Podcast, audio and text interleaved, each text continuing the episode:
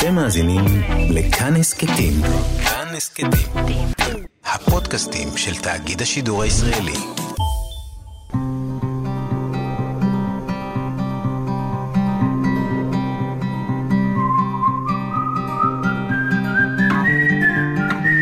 אחת פלוס חמש. אורחים וספרים עם ענת שרון בלייס. וצריך לזכור שהאנתרופולוגיה הקלאסית, אה, מגרשי המשחקים שלה, איפה שהיא התאמנה בלייצר אנתרופולוגיה, זה אפריקה, הודו, זה קצת אמריקה הלטינית, זה בא אחר כך. האמריקאים התאמנו באזורים של מה שנקרא native היום, Native Americans, אבל זה North-West אמריקה, ואוקיאניה. זה העולם השלישי, נכון. שם אנחנו בעלי הבית ואנחנו יכולים להביא חוקר ולהגיד, תפתחו לו את כן. הדלת. כן. ומשם הידע האנתרופולוגי צומח. זה, זה לגדול בביצה מאוד מאוד בעייתית, שממשיכה להרעיל את השיח הזה. שלום לכם, מאזינות ומאזיני כאן תרבות, אורחת באולפן היום עם חמשת הספרים האהובים עליה, והיום נמצאת איתי מישהי שהתחילה ממחקר שעוסק אה, גם בספרים, נשים וספרים, ועברה לחפצים. פרופסור תמר אלאור, מן המחלקה לסוציולוגיה ואנתרופולוגיה באוניברסיטה העברית, שלום תמר. שלום, שלום. לא הייתה לי בת, הייתי קוראת לה תמר. שם אהוב עליי ביותר.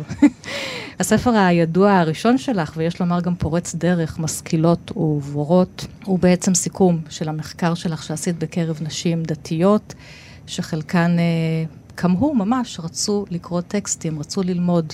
כבר שמעתי את זה לא פעם ולא פעמיים, אתן מספיק רוחניות וחכמות, אתן לא צריכות ללמוד טקסטים, איזה תירוצים מופלאים כדי שרק הגברים ילמדו ואנחנו נגדל ילדים ונשב במטבח. ואת תתלווט, זה מה שנקרא מחקר אתנוגרפי, אנתרופולוגי.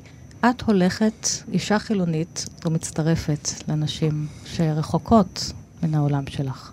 הן בהחלט רחוקות, אבל זה תמיד מדהים גם כמה שהן קרובות. אה, למשל, האישה שהסכימה לארח אותי בבית שלה לאורך שלוש שנים, ואנחנו בסוג של קשר עד היום, היא בת גילי בדיוק. באופן מפתיע, התחתנו פחות או יותר באותו גיל, זה אומר משהו עליי, פחות מאשר עליה.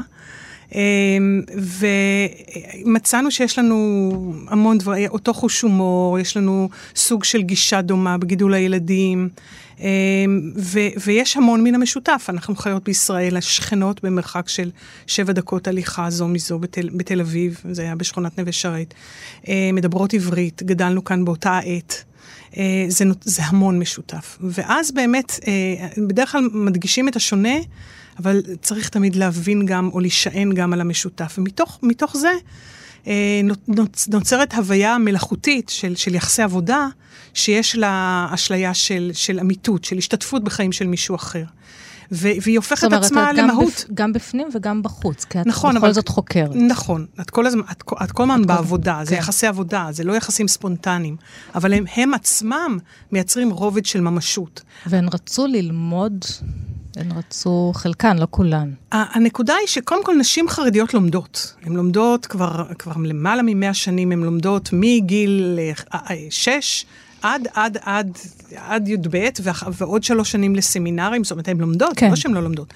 אבל יש את הספר, או את כן. הספרים, או את הקנון, שאליו הגישה יותר חסומה, צריך להגיע אליו בדרכים עקיפות, דרך בני הזוג, דרך הבנים שמשננים ואת עוזרת להם, דרך מה ששמעת מהאחים שלך, מאבא שלך. את מוצפת בזה, את עושה ספונג'ה ומרימה את הראש, מעלייך שורות שורות של הקאנון.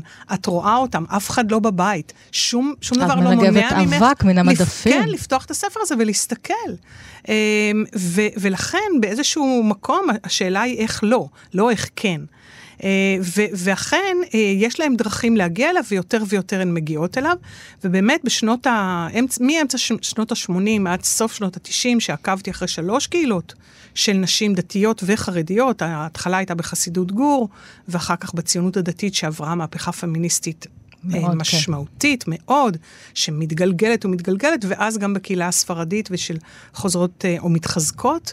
אה, את רואה שיש יותר ויותר דיאלוג גם עם הטקסטים הקנונים, דרך מתווכות, דרך מתווכים, ולאט לאט גם במגע בלתי אמצעי עם, ה, עם המילה הכתובה עצמה. כן, נשים קורות. זה, זה ממש מעניין מה שאת אומרת, כי אני ממש השבוע התארחתי בבר מצווה של אה, בן של חברה שלי, וניהל אותו רב מקסים וחם מאוד מצחיק, באמת מלא חוש הומור, אבל הוא פתח את הטקס ואמר, מי האדם הכי חשוב בבית, האימא או האבא, כדי לתת כבוד שוב לאימהות.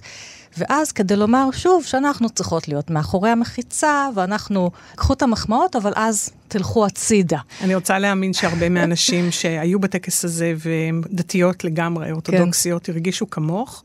ובעולם האורתודוקסי המודרני הדברים השתנו מאוד מאוד מאוד. נשים היום אה, אומרות דבר תורה בבית הכנסת, מנחות תפילה, בנות עושות בת מצווה. העולם הזה מאוד מאוד מאוד משתנה. בציונות כן, העמוקה... הוא גם מאוד מגוון, כי... הוא מאוד מגוון, זו העובדה שבטקס הזה עדיין הוא התנהל נכון. בצורה מסורתית. אז כשנותנים לנו קומפלימנטים בעולם הדתי ולא בעולם הדתי, כן. אה, לעלות על קצות האצבעות ולהסתכל, כבדהו וחשדהו, כן, מה שנקרא. למה נתתם לי את הקומפלימנט הזה? בדיוק. אז נעבור מהקומפלימנטים ומהאנשים ומהטקסטים אל התשוקה החדשה שלך בשנים האחרונות. חפצים. התחלת לחקור חפצים. ולא סתם חפצים, בימים אלה מתקיימת תערוכה בשם הבור, אה, slash מזבלה, במוזיאון העיצוב בחולון. שבו חברת לכמה חברים והלכתם אה, למזבלה המטמנה המנדטורית ששירתה את תל אביב המנדטורית עד שנות החמישים. הלכתם לחטט בזבל, להוציא חפצים, כדי ללמוד משהו עלינו, על בני אדם, זה מה שאת עושה בשנים האחרונות. נכון. נמאס לך מאיתנו.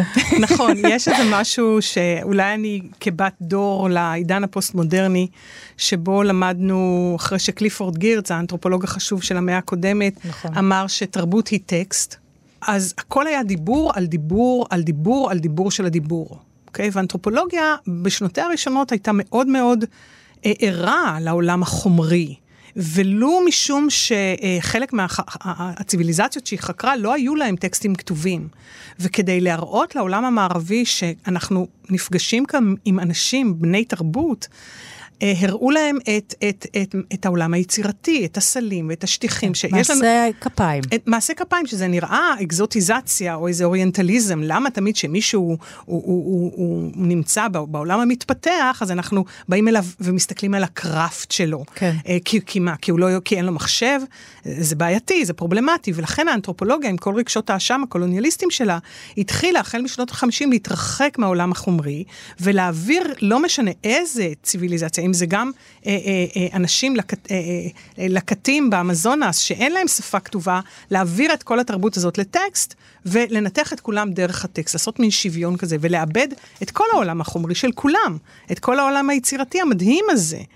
לאבד את המגע עם הגוף. גם את המגע וגם... כי חפץ הוא גם קשור בגוף בסופו של דבר, הוא מתממשק איתם. הוא חושני, כן, הוא ארגונומי, הוא, פרי, אה, דמיון, כן? נכון. ותפקחנה עיני שניהם ויראו כערומים הם, ויקחו עלי תאנה ויתפרו להם. הדבר הראשון שהאדם האינטליגנטי עושה זה תופר. כן. הוא רואה עלי תאנה והוא אומר, היי, העלה תאנה הזה הוא יותר מאשר עלה תאנה. אני רואה פה בקיני. כן. אני רואה פה משהו שיגן על אזור החלציים, לא יודעת מה. חוטיני. כן? אז, אז, אז את כל זה, אה, זה הפך למין סימון של הנחות. ורק המילה הדבורה והמחשבה המופשטת, בהשפעת העולם המערבי, הפכה לנחשבת, ואז אוקיי, נעשה את זה גם לאלה שפעם קראנו להם פרימיטיביים, ולאורך כל הדרך היה הפסד עצום. ואת חוזרת, את מתבקש. מעלה על נס את החפצים. אה, אני חלק לפני מגל. כמה שנים מגל. שהלכת לחקור את, אה, את הסנדלים הישראליות, נכון. סנדלי נמרוד, הסנדלים התנ"כיות, נכון. סנדלי שורש, טבע נאות, אנחנו עם הסנדלים.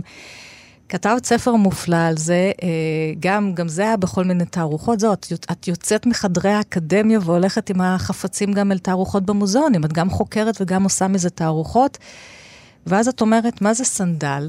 זה מצד אחד, אנחנו, את ואני לא יכולים לחשוב על עצמנו שאנחנו לא נועלות משהו, או סנדלים בחום הישראלי, מצד שני זה מה שחוצץ בינינו לבין האדמה. אה, ואז באמת יש כאן איזשהו משהו שהוא סימבולי, הוא גם מאפשר כמובן תנועה יותר מהירה ו, ופחות תלות בתוואי השטח ובאבנים אה, דוקרות וכן הלאה, והוא טוב היה לחיילים ולכאלה, והוא התחיל משם, והוא היה של אנשים עשירים, והאנשים הלא עשירים לא יכלו להרשות לעצמם את הדבר הזה, אבל יש בו איזשהו סימון באמת גם של... כמו שאומר האנתרופולוג טים אינגולד, של שיתוק וביטול התבונה של כפות הרגליים, אה, בעיקר בעולם המערבי. אה, יש לנו עשר אצבעות שם כמו בידיים, והן לא יודעות לעשות כלום חוץ מלעשות יבלות, כאילו, כן, בעולם המערבי. ואנחנו מכסים אותם. אז הנה, אז דרך החפץ הזה, דרך הסנדל, דרך הנעל, ככה זה מהדברים הראשונים שחקרת, ועכשיו ה... כל החפצים השבורים נכון. כל הזבל כן. של המנדט הבריטי, פתאום עבורך הוא אוצר. זה אוצר אדיר, באמת אני עובדת עם ארכיאולוג וגיאולוג והיסטוריון ואספן בקבוקים, ו- וכמו שאמרת, אפשר לראות את זה בחולון. יש כאן גם עניינים של uh, סביבה, מה קורה, ואותי עניין... איך עיר חדשה... הלכת איתם ל...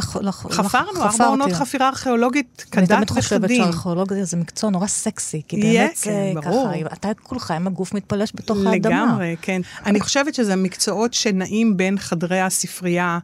לבין השטח. השטח, כן. והם תופרים איזשהו חלום, שבסוף זה אבק. אז את הולכת אה, וחופרת איתם. וחפרנו ארבע עונות חפירה מסודרות.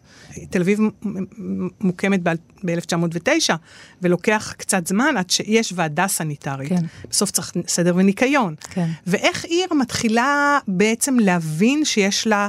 יותר מדי, או שיש דברים שהיא צריכה לסלק. לסלק, כן. כל הנושא של הסילוק מאוד מאוד מעניין אותי.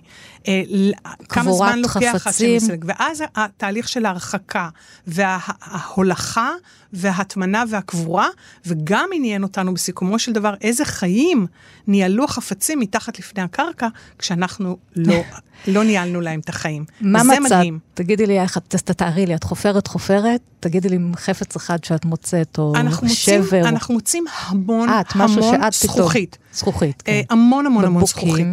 אה, המון, כי, כי זכוכית זה, זה, זה החמר, זה הקליי, זה, כן, ה, לא היה זה אז, נכון. של, של העט שלנו. הכל מוחזק בזכוכית. בזכוכית. נוזלים, אה, מוצקים, הכל. ואני הרבה פעמים, ככה, את יודעת, שוב, במגבלות שלי, אה, את מחפשת את האותיות על החפץ. כי, כי אני אומרת, אני רוצה לחומר לתת לדבר, לחפץ לתת, לצורה, לסגנון. אז את מוצאת איזה בקבוק או צנצנת? ואז את רואה כמה את מוגבלת, כמה פתאום שכתוב על זה לבן קווקזי, תנובה ארץ ישראל, כמה זה מרגש אותך. כן. ואני אומרת, מה מרגש בזה? למה? רק בגלל שכתוב על זה אז את מתרגשת? אה, או שאת הופכת אה, חתיכת פורצלן וכתוב על זה ערבייה פינלנד, זה ערבייה עד היום, זה חברה מאוד מאוד משובחת לפורצלן. זה נשבר, וניסו להדביק את זה, כן. והדביקו, ושוב זה נשבר. ובסוף, בשברון לב, נפרדו מזה, ולא היו כאן חפצים שיוצרו כאן.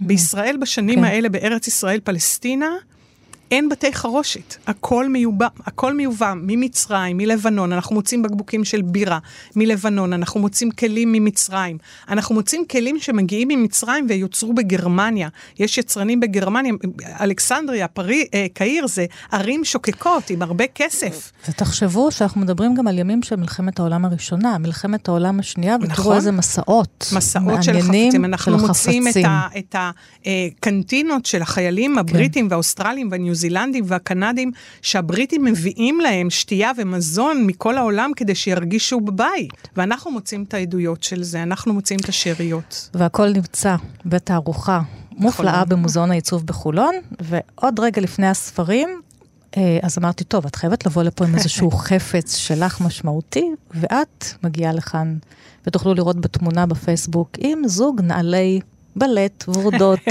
כן. עם סרט, בלרינה. כאלה פמיניסטית. כאלה פמיניסטית. גם לי נראה לי היה משהו כזה בבית, ואמרתי לך, בגלגול הבא אני אהיה. מה שלא הצלחתי. כן. עדיין רקדנים זה משהו, ש... רקדניות זה משהו שאני מאוד מקנאה בו, כן? אז מה עושה כאן אה, על השולחן ה... נעלי הנלו and דיוויד, זה נעליים מבריטניה שתמיד כאילו... נעלי האצבע, חבר'ה, כן. נעלי אצבע, בדיוק. אני... תתארו לכם את תמר, אלאור עכשיו, עושה פה פירואט. כן, יכולה, עושה עם הנכדה שלה. אמ, אני רקדתי מגיל מאוד צעיר, ולמדתי עד י"ב בלט. לשמחתי, להבדיל מהיום, היום אם את עושה איזשהו חוג, אז אנשים אומרים לילד שלך או לילדה שלך, או שתעשי את זה מקצועני, שלוש פעמים בשבוע, ארבע שעות בזה, או שאין לך מקום. אבל בדרך נופלות ונופלים המון המון אחרים, שיכלו ליהנות מה, מה, מתבונת הגוף ומה, מהתנועה ומהריגוש, שכל כך חשובה גם. מהריגוש, מהתנועה, מהשליטה בגוף. אה, והם לא, לא מוכנים להתמסר לזה לגמרי, ואולי הם גם לא מעולים לזה לגמרי, הם לא נמצאים, האמצע נמחק, בכל דבר, כן. בטניס, וואו, בהכל, זה ממש מרתק בכדורגל. מה שאת אומרת. כן, כשהיינו ילדים, היה בסדר, נכון. הלכת, אוקיי. אה, וידענו מי תהיה נפלאה, וידעתי שאני גדולה מדי, שאני גבוהה מדי, שאני רחבה מדי לבלט קלאסי. היום אפשר יותר, כן, היום היה. קצת יותר סובלנים כלפי זה, יש רקדניות קצת יותר גדולות, פחות בקלאסי, יותר במודרני, אבל יש. ואימא שלי, שהייתה פמיניסטית, שהיינו צריכות לנסוע לתל אביב לבחור מורה, אז היא הביאה אותי לדבורה ברטונוב. דבורה ברטונוב ייצגה את המודרניזם אה, האנטי-בורגני רוסי נעלי אצבעות, והיא עשתה לי אודישן, אני הייתי בת שבע-שמונה, היא- היו תופי, תופים אפריקאים אצלה בסטודיו, היא התחילה לתופף עליהם, וביקשה ממני לנוע בחדר, לראות איך אני מגיבה לשינוי של טמפו, עוצמה, ו- ועשיתי את האודישן, ואז היא אמרה לי, אמא שלי בסדר גמור וכולי, ויצאנו, ואמרתי לה, אמא, אבל זה לא זה, זה לא החלום איפה שלי. אני לא רוצה את זה, קחי אותי לאמיתי. אמיתי. והיום אני חושבת, כמה, אם הייתי הולכת, זה היה יכול להיות כל כך מצוין, אם הייתי הולכת עם דבורה ברטונוב, הגוף שלי היה מתקבל יותר טוב. אבל אהבתי מאוד את זה, והחלק של האצבעות הוא תמיד, הוא כואב נורא, נכון. אה, הוא משתק, הוא קושר, הוא כולא, הוא מעוות, הוא שובר, הוא פוצע. אמ, ו- ואת צריכה לעשות את הכל עם החיוך המדהים, כי תמיד אה, מיה ארבעטובה הייתה אומרת לי, תמר, תחייכי. אה, כאילו לא הבנתי למה. אמ, אז הלכת לבדוק, אז הלכת לבדוק. והזוג האחרון, הזוג האחרון ש, שכבר הייתי, אני חושבת שניסיתי לחזור אחרי הצבא גם קצת. צריך לומר, אני לא סנטימנטלית לחפצים, אני נורא אוהבת להעיף דברים, אני מעיפה. אבל את הנעליים... אז את אלה שמרתי, אז כשאמרת לי, אמרתי כן, ואני גם אומרת לתלמידים שלי, כמובן בסדנאות, תביאו דברים וכולי, אנחנו מתחילים הרבה פעמים עם באמת עם חפץ אישי, והם כותבים עבודות על חפצים, ו, ואפילו מתחילים, השנה האגודה האנתרופולוגית הישראלית מעניקה פרסים לעבודות מוסמך, העניקה את הפרס לתלמידה שעשתה עבודה על חלון. על מסגרת של חלון, כלומר מתחילים לראות, כן. העבודה שלי בשטח של 15 שנה מתחילה לייצר דור. לא, זה, זה מקסים. דור גם של אני, חוקרות. כשאני פוגשת אנשים לפעמים בכל מיני מפגשים או ענייני כתיבה, אוהבת להתחיל איתם מחפצים. כן. תשלפו משהו מהתיק, זה באמת, זה, אגב, חלונות, זה חלון נכון. לנפש האדם. נכון.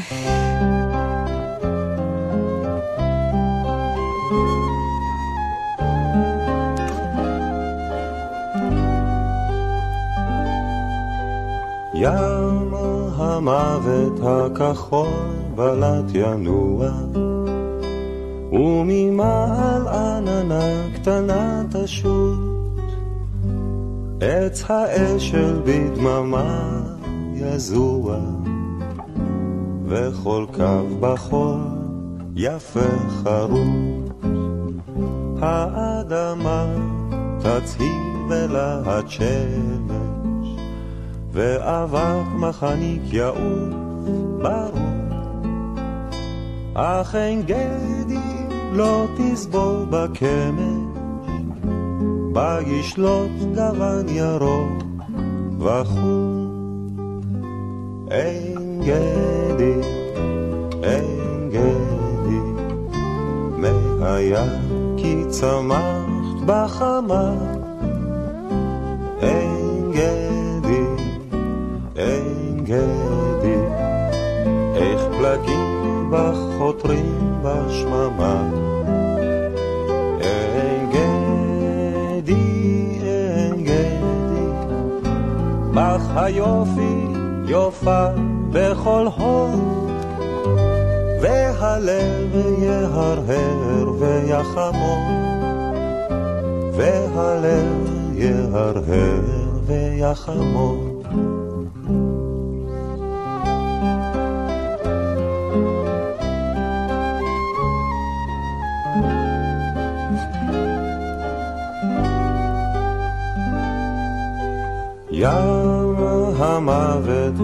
הכחול בלט ינוע וכל הר פה יתנשא גאב הרע. ונחל ערוגות זה הידוע, מהלכו ישיר אל תוך הים. האדמה תצהיר בלהט שמש, אך אין גדי נווה מדבר.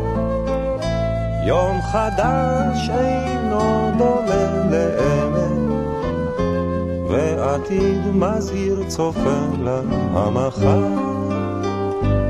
אין גדי, אין גדי, והיה כי צמח בחמה.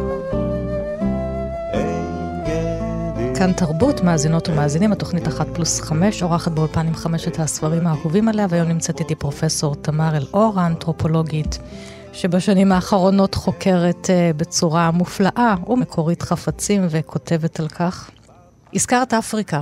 אז בואי נתחיל עם החמישה ספרים, כי אפריקה נמצאת נכון. בתוך הספרים. אנחנו מתחילות עם כלת פרס נובל, דוריס לסינג, ומחברת הזהב. דוריס לסינג גדלה ברודזיה, נכון? היא נכ- ממוצא בריטי. נכון. גדלה ברודזיה, נכון. ולימים שבה לבריטניה, אה, כשהיא גם אה, תפקדה כאם יחידנית, נכון. והגיבורה שלה אנה וולף. היא בעצם מין בת דמותה של דוריס לסינג, היא סופרת ידועה, אבל עם איזשהו משבר כתיבה, ושחלק ממנו גם קשור באמת בעולם הקולוניאליסטי שבו היא גדלה, ודוריס לסינג היא מהראשונות שכתבו באמת על המחיר של הקולוניאליזם, ובמקום לכתוב ספר, אז היא כותבת מין יומנים. ואז לא יומן אחד, היא כותבת כמה יומנים, נכון. כאילו מפצלת את הקול שלה. כן, יש מחברות ולכל מחברת יש צבע, אה, וכל מחברת, אה, יש כאן גם כתיבה שהיא כתיבה מבחינת הסוגות, שזה דבר שמאוד מאוד מעסיק אותי, כי אני גם בכתיבה שלי, אה, הייתי בת לדור בין החלוצות שהתחילו לכתוב בצורה אחרת אנתרופולוגיה, לא במין מספר יודע, מספרת יודעת כל, אלא כתיבה מבפנים, כתיבה מנכיחה, כתיבה שיש בה רפלקסיה ושיש בה, שהכותבת היא חלק מה, מהסיטואציה. אמ, ואת את כל הדברים האלה כמובן לא ידעתי. כשהייתי בת 20 והתחלתי לקרוא את, מחברות, את מחברת הזהב, אה, בן זוגי שהיה, גם היה קיבוצניק, הקיבוץ החתים אותם על ספרייה לעם כשהם הלכו לצבא, שיהיה להם, והמשכנו את המינוי הזה, את המנוי. ספרי על העם של עם עובד. ספרייה לעם של עם עובד, המשכנו את המנוי הזה, והספרים היו מגיעים, ולא בחרת בהם, הם הגיעו אלייך. אה, ולכן הספר הזה הגיע, הוא הגיע אליי, והוא מגיע אליי אה, כשאני הופכת לאם צעירה בגיל 23.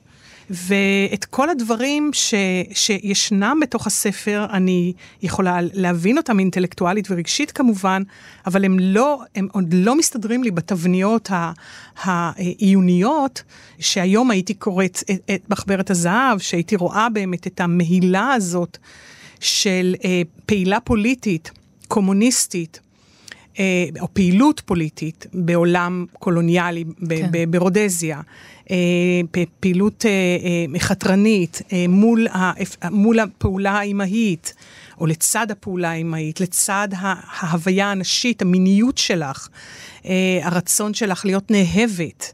אה, וה- וה- והחיכוכים בין כל הפוזיציות האלה שהגיבורות של, של לסינג מייצגות.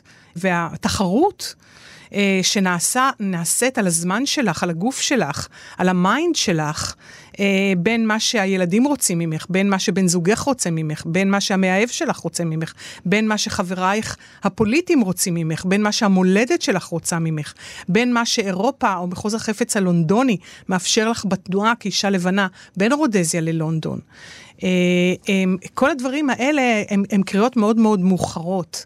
יש, הייתה מבחינתי קריאה מאוד מאוד תמימה, ומכיוון שלא כל כך, לא כל כך הלך לי בהנקה, אבל, אבל התעקשתי, אז שכבתי כזאת על, על מין מיטת נעוריי, שהסבתי אותה עם כל מיני בדים שתפרתי אה, למין ספה כזאת בחדר, ה, לא החדר שינה, בחדר המשותף, והחזקתי ביד אחת את, את הראש של, של אורי, וביד שנייה, כדי שאני אהיה רגועה ושאני אקדיש, אתן לזה הרבה זמן, קראתי את הספר הזה, וזה היה טירוף.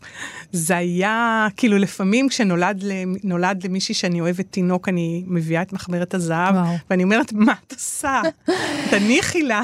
אז בואי תקראי קטע קצר כן, מדוריס לסינג. כן, אז אני קוראת מהיומן של, אה, מהיומן שהוא נכתב, אה, שוב, היא נעה בין המקומות, אבל היא כאילו כותבת אותו באנגליה, 19 בינואר 1950. גם העובדה ש, שיש כאן יומנים ויש כאן איזה מין כתיבה, אנתרופולוגים עובדים עם פילד נוטס. אז שוב, אני, בדיעבד אני מתחברת לזה, אה, אז עוד לא הייתי אנתרופולוגית. הבוקר, הייתי בחדרי שמתחת לגג.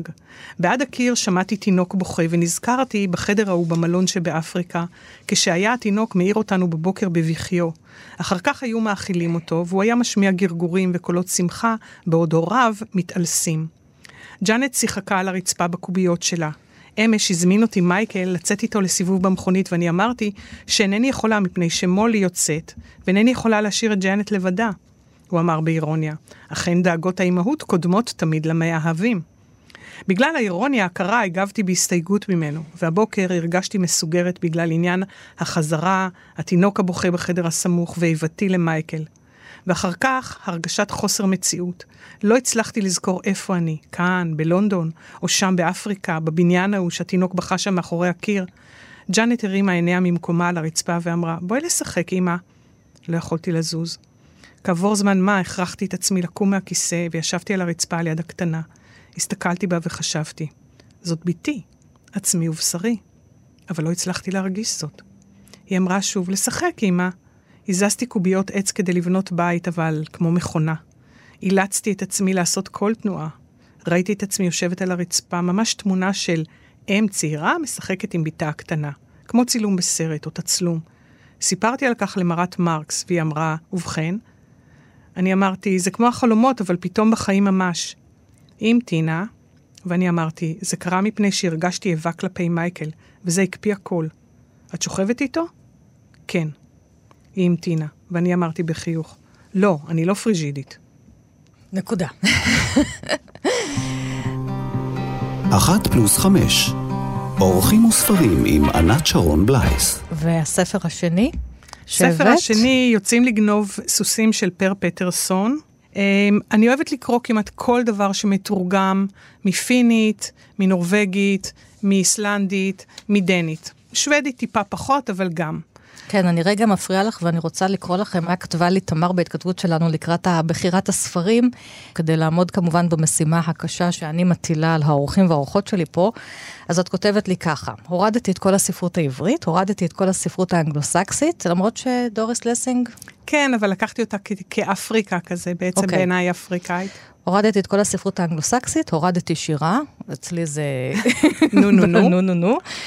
והגעתי לחמישה ספרים. אז זהו, אז תחזרי בבקשה, נכון. עכשיו אנחנו עם הספר השני. נכון, אפשר היה לדבר על הסלקציה הזאת, על הרמפה הזאת שהעמדתי את הספרים ועשיתי להם סלקציה.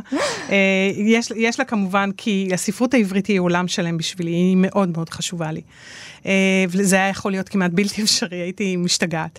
אה, אז, אז ובגלל שאנתרופולוגיה היא סוג של למידה של, לא משנה. בקיצור, אנחנו הולכים לארצות הצפון. וארצות הצפון, לנורבגיה, פר אה, פטרסון לנורבגיה. במקרה הזה זה נורבגיה. אמ, יש משהו בכתיבה שהוא מאוד קצר בדרך כלל, למרות שאנחנו עכשיו קוראים את הספרות הבלתי נגמרת. של קנאוס גם. כן. אה, בעיקר פינית נגיד, או האיסלנדית, טקסטים קצרים, קמצנים, מדויקים, והמון המון התייחסות לטבע. נכון. לחוץ. הטבע הוא בעצם, וכאנתרופולוגית זה מאוד מאוד מעניין אותי, הטבע הוא, הוא סוג של נתון שעליו, על המצע הזה מתנהלים החיים. הזיכרון המיתולוגי שהטבע העמיד באזורים הקרים לאנושות והמקום של התרבות, שהייתה צריכה לפענח ו- ולתווך ולאפשר את החיים בתנאים הקיצוניים הללו, אה, היא מדהימה. היא מדהימה, והיא מייצרת צניעות מאוד גדולה של האדם, וחיבור לעצים וליער ולמים ולרוח ולגשם ולשלג וכבוד, ומשהו שהוא באמת מאוד מאוד זר ובעיניי מאוד מאוד מאוד מרתק. חשבתי שבגלל שדיברנו על הכינון של הנשי, של האימהי, על הבלתי אפשריות של מעשה האימהות בעצם. אצל דוריס לסינג. אצל דוריס לסינג ואצל כולנו. כן. Uh, התחרות של האימהות עם, עם ההוויה, עם הגוף שלנו, עם, ה, עם, עם, עם, מה שאנחנו, עם, עם הרבה מאוד דברים, היא, היא, היא מאוד משמעותית. ו, וכתבתי הרבה על אימהות מחוץ ל, לעניין הזה. אה, אבל, אבל עכשיו ננצל את פטרסון לעניין של גבריות, והוא כן. מתעסק הרבה בגבריות. אה, וזה לא, לא תמיד קל. יש פה איש, איש אה, מזדקן. נכון. שבעצם עוזב את אוסלו וחוזר חזרה לכפר שבו הוא גדל, וכשהוא חוזר בחזרה חוזרים גם הזיכרונות נכון. הקשים שהוא ניסה להדחיק, והיחסים הקשים עם אביו. היחסים הקשים עם אביו, האובדן של אחיו, עד גם הדברים היפים שהוא עשה עם אביו. כן. אה, בדידות, עוד דבר בדידות, שאנחנו כן. לא מכירים במזרח התיכון, כן? אה, קשה נורא להיות כאן בודד, ב, ב, לא במובן בדידות את יכולה להיות בהמון הסואן, אבל להיות במקום שאין בו בני אדם. כן, ששם אתה... כשטיילתי ביער... ערבות שלג כן. וחווה מבודדת, כן. ואתה חי שם לבד, לא רואה אנשים ימים ארוכים. כן, כשטיילתי עם אה, חברים, זוג חברים בפינלנד ב, ביער, וסיימנו את המסלול, אז הם אמרו, זה היה טיול טוב. אז אמרתי, למה זה היה טיול טוב? אז הם אמרו, כי לא פגשנו אף אחד. אה, תנסו את זה כאן אה, בארץ. עכשיו, בקורונה. עוד עכשיו בקורונה שאי אפשר כן, לברוח כן. לחו"ל. אז בואי תקראי. אז אני רוצה לקרוא קטע קטן של החיבור שרבות מאיתנו מדברות עליו בחיבור עם אימא שלהן, אה, על החיבור של בן עם אביו. מה שאני עושה, ועל כך מעולם לא סיפרתי לאיש, בכל פעם שאני צריך לעשות משהו שחורג ממשימות היומיום, אני עוצם את העיניים ומדמיין לעצמי כיצד אבי היה עושה זאת, או כיצד ראיתי אותו עושה זאת. ואחר כך אני מחקה את התנועות שלו, עד שאני נכנס לקצב הנכון, והמשימה נפרסת לפניי ומתבהרת. כלומר, לפעמים שנגיד שאני לשה בצק, ולא הייתי ילדה שכאילו נכנסה למטבח בילדות. או אני עושה תנועה מסוימת, אני באמת מדמיינת את אימא שלי עושה אותה. ולפעמים זה מפחיד, כי הידיים כן. שלנו, כשאנחנו מתבגרות, מתחילות להיות דומות לידיים שלי, ואני מסתכלת כאילו, זה הידיים של אימא. לחשוב מה אימא הייתה אומרת, מה אימא הייתה עושה. זאת אומרת, מין משהו שנראה לי נורא נשי. ואצל פטרסון, בעיקר בספר הזה, שיש בו המון משימות גם של גברים, אה, בחוץ, out there, דברים שצריך, שבנים עושים. אה, ואני גדלתי עם אח, ותמיד הסתרחתי אחריו, אחרי החברים שלו, ויש לי שני בנים, ונוח לי נורא בחברה של בחורים. נורא נוח לי, נורא פשוט לי. הם יצורים יותר פשוטים תמיד בעיניי. ו... ולקרוא, זה, זה, זה הפתיע אותי וזה זה עניין אותי וריתק אותי לראות באמת את החיבוריות הזאת של, ובעולם הסקנדינבי, אה, בהרבה ספרים אחרים שאת קוראת, סוף השבוע או, או הקיץ מוקדשים לכך שהמשפחה יוצאת לבית הקיץ שלהם, ששם לא היו חיבורים למים ולחשמל, כן. אין חיבור לתשתיות. וכל הקיץ האבא עובד על הביתן הזה. הוא צובע אותו, והוא משפצר אותו, והוא מתקן אותו, ומנקים את העשבים שמסביב. וכל הזמן, כל עירוני מהלסינקי הופך לחוטב עצים ושואב מים לחודש וחצי לפחות בשנה. ולמקום, לנסיגה הזאת, למקום של פעולות אה, שנעשות, שיש להם אה, טעמים מאוד מאוד גבריים, כן? אה, גם הנשים עובדות קשה, כן. כמובן. אה, החיבוריות הזאת, ויש סוציולוגים שכתבו למשל... זה על... כמו להיות כמעט אדם קדמון בחזרה. מין משהו כזה, וזה נקודת הטענה, או נגיד נקודת טעינה, שהיום ההורים כן. הפינים אה, מתלוננים שהילדים לא רוצים לבוא איתם לבית הקיץ, אם לא יהיה חיבור לחשמל ורשת אינטרנט. כן, זה, זה אגב המשבר האקולוגי, ואנחנו מדברים סביב הימים האלה של יום, יום הסביבה. כדור, יום הסביבה, יום כדור הארץ.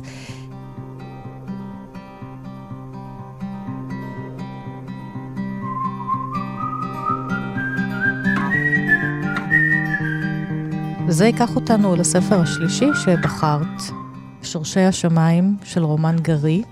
מורה לגיבור שהוא איש מחתרת שנלחם נגד ציידי הפילים. כן. והכחדת הפילים, ואנשים שרוצים את השנהב ולעשות מהם כסף.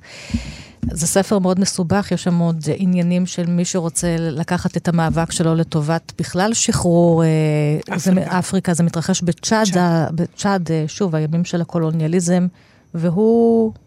החופש של הפילים מעניין אותו יותר מהחופש של האנשים. הפילים זה... והשנהב, החפץ הזה. כן, כן.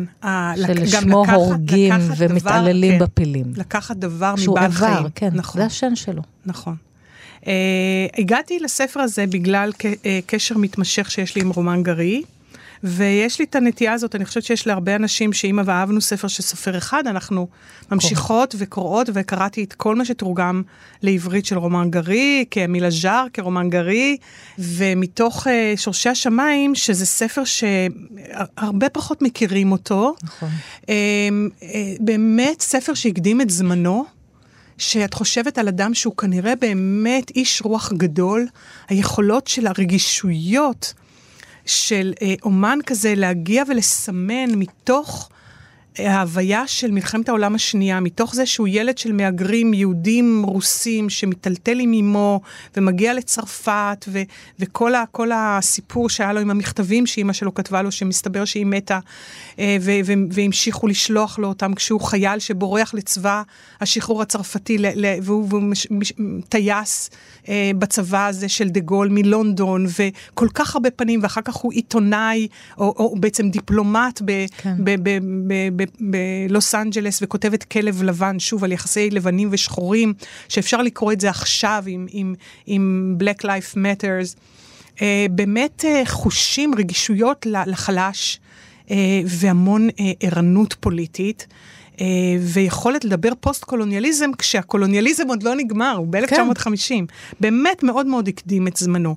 וכשנפלתי לתוך הספר הזה כאנתרופולוגית, וצריך לזכור שהאנתרופולוגיה הקלאסית מגרשי המשחקים שלה, איפה שהיא התאמנה בלייצר אנתרופולוגיה, זה אפריקה, כן, נכון. זה הודו, זה קצת אמריקה הלטינית, זה בא אחר כך. האמריקאים התאמנו באזורים של מה שנקרא native היום, Native Americans, אבל זה North-West אמריקה. ואוקיאניה. זה, זה, זה צמח כאיזה מרחב שדה מחקר קולוניאליסטי לגמרי, למעשה. לגמרי, זה העולם השלישי, נכון. שם אנחנו בעלי הבית ואנחנו יכולים להביא חוקר ולהגיד, תפתחו לו את כן. הדלת. כן. ומשם הידע האנתרופולוגי צומח. זה, זה לגדול בביצה מאוד מאוד בעייתית, שממשיכה להרעיל כן. את השיח הזה, וממנו כל הזמן רוצים לעשות מפעל טיהור כזה של, של לצאת ממנו. והנה, אני קוראת את זה, ויש שם, אחד הגיבורים זה סן דני, שעוקב אחרי המאבק של מורל, ובאמת, כאילו האפריקאים אומרים לו, חביבי, האפריקאים המקומיים, הוא זר. הוא הגיע, כל הסיפור הזה, מי, מי יגדיר מה בוער? המקומיים אומרים, בוא נשתחרר קודם אנחנו, לפני שאתה דואג לפילים, תן, כן. לה, תן לאפריקה לצמוח. תן, מה, אנחנו שמורת טבע עכשיו, שתעשה לנו פה פילים, ותביא תיירים, שיראו אותה, אותנו רוקדים עם חציות מרפיה? אנחנו רוצים להיות לונדון, אנחנו רוצים להיות פריז, יאללה, בוא נוריד את כל הדברים האלה, נ, נטעס, נבנה, אל תעשו מאיתנו עכשיו אה, איזה מזכרת לעניינים שלכם. כן. Uh, ומצד שני, מורל מבין ש... Uh, ציד של פילים זה רק מופע אחד של אלימות. וכמו שאדם יכול לשלוט בבעלי חיים, אדם שולט באדם אחר. וכשאני קוראת עם התלמידים את העונש בפרק ג' על מעשה אכילת התפוח, הוא ישופך עקב, אתה תשופנו ראש, כן? את אה, מדברת על התנ"ך כרגע, לא. כן. לא על רומן גרי, כן. כן, כן, כן שאנחנו נוריד את הראש לנחש, כן. ואחר כך הגבר יוריד את הראש לאישה. כן. ואלוהים יוריד את הראש לגבר, וזה סדר הכוחות. אז אם אנחנו נכנסים לאלימות, אנחנו נכנסים לאלימות. ולכן הפילים זה לא איזה סתם יפיוף. זה, זה, זה, זה מהלך. אם האדם הוא חלק מהמרחב, ואם האדם הוא חלק מהטבע, ואם הוא לא משתרר על בעלי חיים, הוא גם לא ישתרר על בני אדם אחרים. אז אני קוראת קטע שהדובר הוא סנדני, אחד הגיבורים, שעוקב בסימפתיה מסוימת אחרי הדברים של מורל, אבל הוא, הוא יותר ציני, הוא ותיק באפריקה, והוא אומר, אני ותיק באפריקה, וגם אני חולם לעיתים על עצמאות אפריקנית, על ארצות הברית של אפריקה. אבל מה שהייתי רוצה לחסוך מגזע זה, האהוב עליי, הוא גרמניות חדשה, במתכונת אפריקנית. נפוליאונים חדשים שצבע עורם שחור, מוסלינים חדשים של האסלאם, היטלרים חדשים של גזענות במהופך. והנה, אוזניי המנוסות הבחינו בלשון התופים דווקא בצלילים אלה.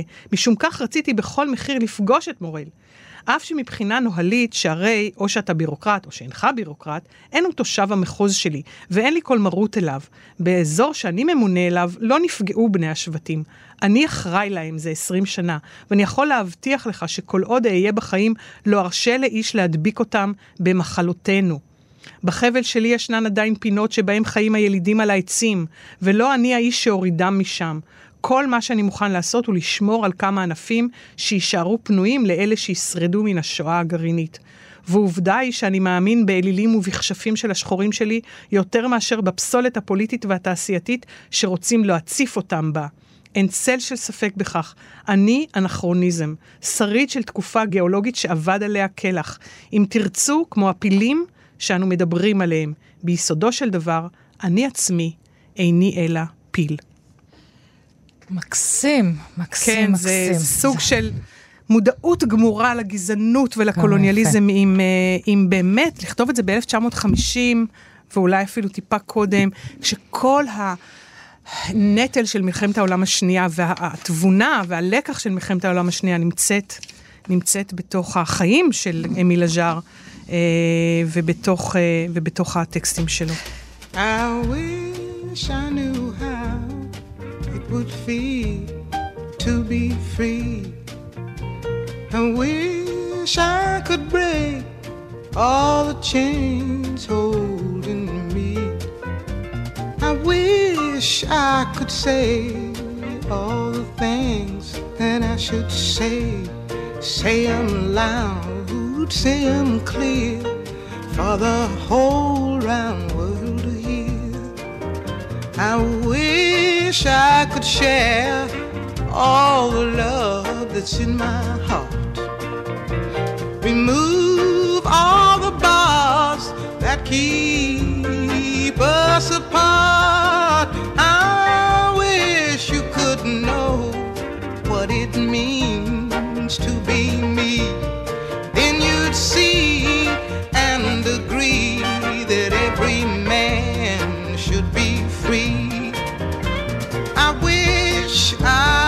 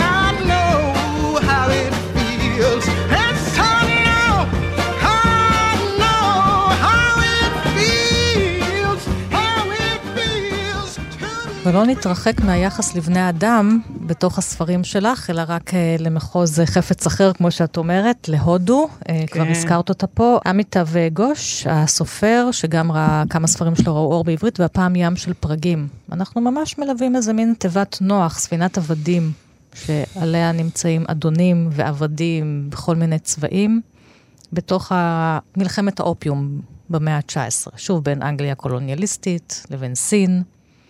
לבין ניצנים. של לאומיות. הפרח הודית. האדום האדום היפה הזה, הפרג, שאני כל כך אוהבת.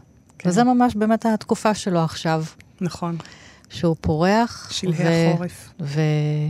ובחרת בספר הזה. אז עמיטב גוש, שאני מלמדת את ספרו בארץ עתיקה, in an ancient land, והוא אנתרופולוג בהכשרתו. אה, מוצאו מהודו, כמו הרבה הודים אה, מהמעמד הגבוה, הוא התחנך באנגלית וכותב באנגלית. אה, כתב את הדוקטורט שלו באוקספורד על, על החיים בדלתא של מצרים בקרב האיכרים, הפלאחים שמנהלים את השדות שלהם דרך תעלות מים, וכתב ספר, כתב את הדוקטורט שלו כמו שצריך, ואז הוא כתב את בארץ העתיקה, שמספר על חייו כהודי כן. במצרים. Uh, ולימים uh, הוא נוטש את האנתרופולוגיה והופך להיות סופר לכל עניין ודבר וללמד ספרות. כי והכתיבה יש שלו... הרי קרבה ממילא, אנתרופולוגיה נכון, זאת נכון. ספרות בסופו של נכון. דבר, דרך המחקר, דרך היומנים, גם אתם הכתיבה פה צריכים לכתוב, עם- הכתיבה האתנוגרפית הכתיבה מאוד סיפורית, היא מאוד נכון. ספרותית, ואני נמשכת בעיקר לסופרים שיש להם אני שולחת אותך, את רואה, כן. למקום חדש. נכון. הלכת מהנשים והטקסטים אל החפצים, אז אנחנו, אנחנו, השינוי הבא של תמר סופרת. כן, כן. זה, זה, זה מצריך uh, להכניס עוד דבר אחד שנקרא בדיון. כן. Uh, אבל גם הוא לא חסר. אז, אז הספר הזה הוא באמת ספר uh, יוצא דופן, שבו בעצם המצרים רואים בו הפרימיטיב. כי הוא לא נימול, mm-hmm. כי הם שמעו שבארץ שלו שורפים בני גו- אדם ולא כן, מביאים אותם לקבורה, והוא צריך כל הזמן להצטדק על התרבות הנמוכה כאילו שלו בעיניהם. מין היפוך תפקידים מרתק מבחינת היחסים הקולוניאליים של האנתרופולוגיה. כן. והספר ים של פרגים הוא באמת אה, חוויה... חוויה אדירה שעבורי קודם כל סימנה, אני שנים שנים שנים קוראת ספרות הודית. אה, ספרות נפלאה של כותבי אנגלית שהתחנכו באנגלית, אבל הם אחרים. הם אחרים, לא משנה איפה הם. אמ, ואני כל הזמן אומרת, אני לא נוסעת להודו. אני לא נוסעת להודו. אני לא הולך, אני, שאני לא אחשוב לעצמי, מה אני... אה, לא נוסעים להודו ככה סתם, אני אסע רק אם יהיה לי המון המון זמן. אם יהיה לי המון זמן אני אסע, ולקח המון המון שנים, ורק בגיל 59 נסעתי פעם ראשונה להודו, וידעתי לאן אני נוסעת מהספרים. אני נוסעת, קוד... אני נוסעת לגיהנום. אני נוסעת קודם כל לקלקטה, ואחר כך לוורנסי, לבנארס. לשתי הערים הקשות האלה, ליד הגנגה, אה, לא לצפון ולא להימאליה, ולא, אני נוסעת לשם. ועמיתב גוש די עזר לי בסימון, אבל הוא לא היחיד בסימון של המקומות האלה. ומאז אני נוסעת כל הזמן להודו, ואני לוקחת כיתות של תלמידים להודו, ואנחנו מסתכלים על התרבות החומרית. אנחנו עושים קורס בתרבות חומרית בהודו, בבנארס ובג'ייפור. Uh, והתרבות החומרית באמת נמצאת ברחובות של הודו. כן. אבל בעיקר אנחנו מסתכלים על טקסטיל, כי הוא גם הרוג בהיסטוריה של הודו, ב- בלאומיות של הודו. וטקסטיל גנדי- וטקסט, טקסט, זה הרי הולך כן, ביחד, נכון, כן. וגנדי עם, הק- עם הגלגל לפני שאת וכולי. קוראת, אולי אני אצטט פה מהפתיחה של הספר הזה, אה, כי- כי אמרת גיהנום, אה, והיא מתארת פה אחת הגיבורות, אה, שהכפר שלה שכן עמוק כל כך בפנים הארץ, שהים הגדול נראה לה רחוק כמו השאול. נכון. עבורה הוא היה תהום פעורה של אפלה, מקום שבו נהר הגנגס נעלם לתוך הקל הפני, המים השחורים. הנה, נכון. גיהנום, המים השחורים, נכון, אפלה. נכון, למרות שהגנגה. היא אלה, הגנגס כן. הוא מקום של... אבל האוקיינוס, המקום כן. הזה שהגנגס נבלע בתוכו, זה באמת המים השחורים. אמ, ה- למה את קוראת? אני, אני ב- לא רחוק מאיפה שאת קראת, קוראת ככה על, על היום-יום של דיטי, אחת הגיבורות שלאורך הספר תיכנס ותתערבל בתוך המערבולת הזאת, והתחלת ה, בעצם את, את הודו הקולוניאליסטית יוצרת החברה, המסחר, החברה למסחר של, של איסט אינדיה. כן. אה, היא בעצם מדינה שמביאה פנימה את האימפריה. קודם מגיעים הסוחרים, והאונייה הגיבורה הזאת, זאת אונייה, שוב, זה מין לעקוב. קוד, זה, זה, זה נכון בכל הארצות. קודם מגיעים הסוחרים, קודם והופכים מגיעים את, הסוחרים. את בני האדם לסחורה. גם, וגם את הסחורות לסחורות. זאת לחפצים. אומרת, את התבלינים כן, ואת נכון. הדברים האלה. ואז החברה, ל- The East, East. Indian Company מביאה בעצם את הריבון, למרות שהיא כבר ריבון בעצם. כן. בהודו. והספר באמת מתחיל עם תנועה של ספינת עבדים, mm-hmm. שגם היא מסמנת מרחבים בעולם של לצד אחד הולכים בני אדם כסחורה, מצד שני מביאים בתוך זה, הספינה הזאת אמורה להביא בחזרה סחורות. כן. וגם עמיתב גוש בסוף בארץ עתיקה מסמן בעצם את, ה, את הים הזה כמרחב לכאורה פתוח, שלאט לאט משתלטים עליו סוחרים מסחר שהוא מסחר אלים, מסחר של, אותו מסחר שיכול להיות המקום של ההגירה, של המפגש, של ח, החלפת חפצים, להביא את התבלינים מכאן לשם, ליהנות, ליהנות ממה ש, שמייצרים בסין במקום כזה, כן? אה, להציף. אה, להפגיש ציוויליזציות, תרבויות דרך החפצים. זה הופך להיות נתיב של מדהים. שליטה. ועכשיו את קוראת מתוך אוקיי. הספר ים של פרגים. נכון, הכפר שדיטי התגוררה בו נמצא בפאתי העיירה גזיפור, כ-80 קילומטר ממזרח לבנארס. כמו כל שכניה, גם דיטי הייתה מודאגת מאוד מהאיחור ביבול הפרגים. באותו יום היא קמה מוקדם, ביצעה את מלאכות הבית כאילו לצאת ידי חובה. הכינה לבעלה הוקם סינג, דוטי וקמיז, שזה עתה כובסו, וארזה לו את הרוטי ואת האצ'ר שיאכל בצהריים. לאחר שעטפה וארזה את ארוחת הצהריים, התפנתה לביקור קצר בחדר המקדש.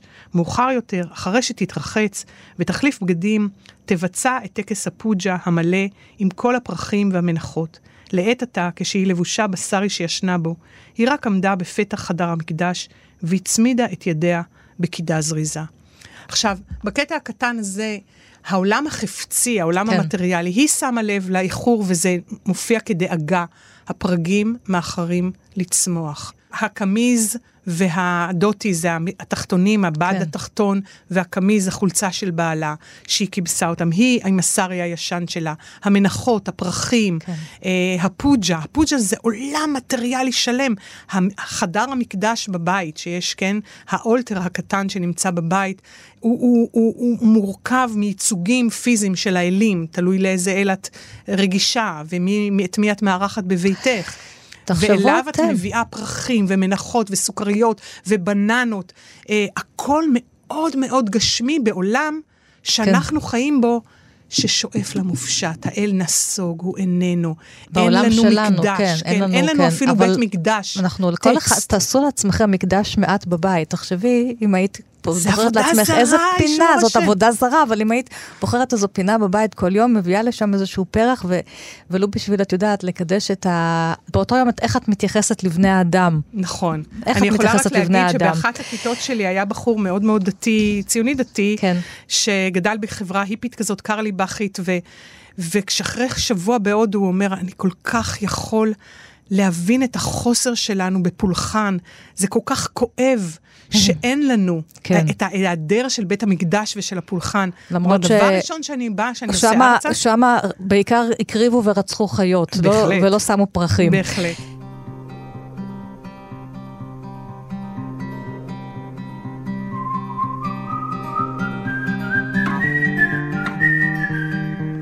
רצות אל הספר החמישי האחרון. כן. אנחנו עכשיו קופצות על המיטה, תמר, חדר כן. המיטות של דונה פלור ושני בעליה, כן. ז'ורג' עמדו.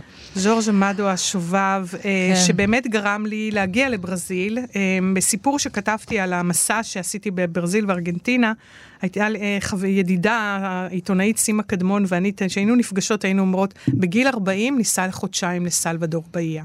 כמובן שלא נסענו.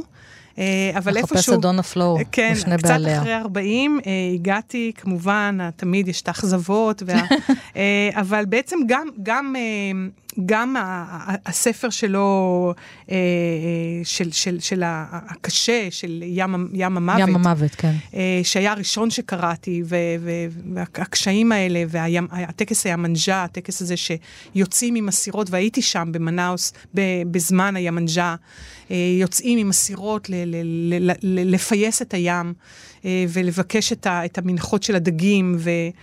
אבל זה, זה באמת המקום החושני הזה, ברזיל, ה... קשה לה לאכזב, אבל זה כמובן, כן, הוא, הוא כותב בשנות ה-30, בשנות ה...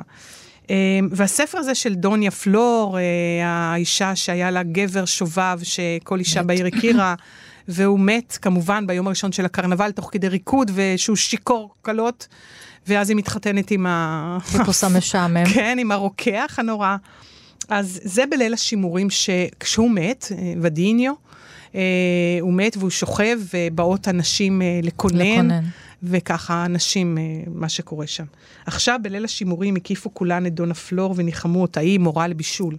יש לה סטודנטיות, אבל אחת מהן, ידע הקטנה, בעלת פרצוף של חתולת פרא, לא יכלה לעצור בדמעותיה ולא הסירה את עיניה מפניו של המת.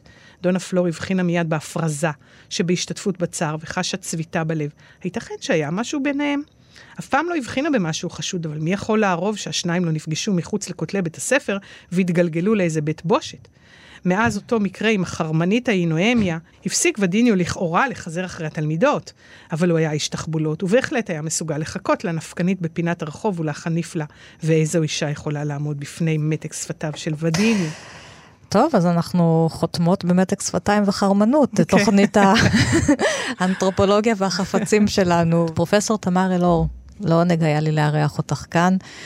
יש לך עוד כל כך הרבה סיפורים, כפי שאתם שומעים, והיא כתבה כל כך הרבה דברים נפלאים, אז uh, תלכו גם לחפש את הספרים של תמר אלאור, כל הפרטים על התוכניות שלי בדף הפייסבוק שלי ובדף הפייסבוק של כאן תרבות, וכל התוכניות תמיד זמינות לכם להאזנה בעמוד ההסכתים של תאגיד השידור. אני ענת שרון וייס, תודה לכם, להתראות. אהובתי, חיפשתי כבר בכל הירידים, אהובתי. שאלתי כבר את כל הנוודים שעוברים ורואים דרך כל הנשמות זה קשה, הם אומרים לכולם פנים דומות עבר עוד חורף מי יודע את